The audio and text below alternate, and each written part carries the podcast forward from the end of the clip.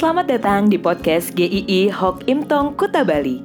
Penginjil Ray Reginaldi akan membagikan renungan harian singkat untuk membawa Anda mengenal dan menyembah Tuhan Yesus, bertumbuh dan menjadi murid Kristus, serta berdampak untuk banyak orang. Jika Anda merasa diberkati melalui renungan ini, silahkan bagikan podcast ini agar orang lain juga diberkati. Inilah renungan hari ini.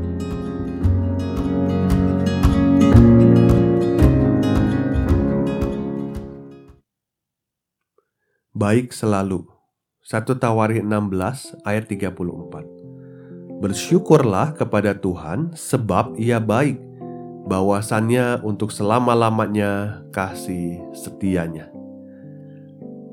Salah satu jawaban yang paling umum ketika ditanya pendapat tentang diri seseorang adalah orangnya baik. Contoh, menurut Anda, Bagaimana si Bapak A? Hmm, orangnya baik. Jawaban baik ini bisa berarti karena orang yang ditanya itu tidak terlalu mengenal pribadi yang ditanyakan kepadanya. Atau itu jawaban yang paling mudah tanpa terlalu berpikir. Tanpa bisa mendeskripsikan baik itu sendiri seperti apa, yang penting baik aja, umum sekali. Baik sendiri kadang terlalu abstrak untuk dijelaskan. Tetapi ketika firman Tuhan mengatakan bahwa Allah itu baik, itu bukan sesuatu yang tidak jelas. Namun karena sangat jelas bahwa dia adalah Allah yang baik. Puji-pujian yang dinyanyikan oleh paduan suara yang pertama kali ini di dalam satu Tawarikh 16 adalah suatu bentuk ungkapan syukur karena tabut Allah dipindahkan ke Sion. Ungkapan syukur ini menyatakan bahwa Tuhan itu baik adanya. Penyebutan satu pribadi itu baik harus ada alasannya.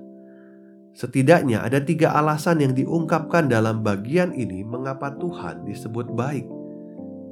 Pertama, dia tidak pernah ingkar janji.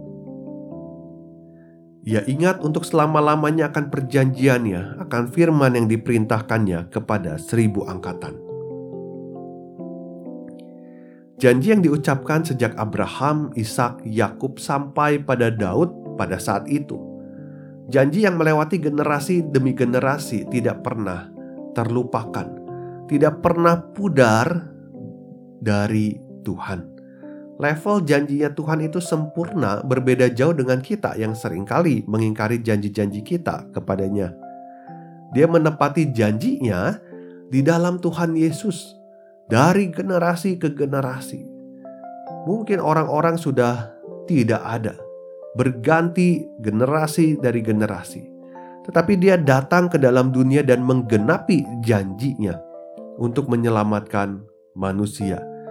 Janjinya tidak pernah membiarkan manusia, tapi Dia menolongnya. Yang kedua adalah Dia baik karena Dia tidak pernah meninggalkan. Ayat 19 sampai 22 berkata, "Ketika jumlah mereka tidak seberapa, sedikit saja, dan mereka orang-orang asing di sana dan mengembara dari satu bangsa ke bangsa lain, ia tidak membiarkan siapa pun memeras mereka." Bangsa Israel harus menjalani jalan berliku-liku, menghadapi berbagai hal yang tidak bisa mereka selesaikan jika tanpa campur tangan Tuhan. Daud pun merasakan hal yang sama. Meskipun setelah diurapi menjadi raja, banyak hal sulit yang harus dihadapi. Dia harus lari ke sana ke sini seperti buronan. Namun Tuhan tidak pernah meninggalkannya. Itulah Tuhan yang baik. Dia tidak pernah tidur, dia tidak pernah lelah. Dia selalu ada menyertai kita sekalipun kadang. Mungkin kita tidak menganggapnya ada atau kita mengacuhkannya. Jangan takut lagi karena dia selalu bersama kita. Bahkan di saat semua orang meninggalkan kita. Dia bukan ada hanya ketika kita sudah baik Ketika kita dalam keadaan berdosa, Dia tidak meninggalkan kita. Dia datang untuk menyelamatkan kita. Dia berkata, "Aku mencari bukan orang yang sehat tetapi yang sakit, supaya mereka bertobat. Itu yang dikatakan Tuhan Yesus. Tuhan tidak meninggalkan kita dan mau mengubahkan kita. Yang ketiga, kasihnya tidak berkesudahan.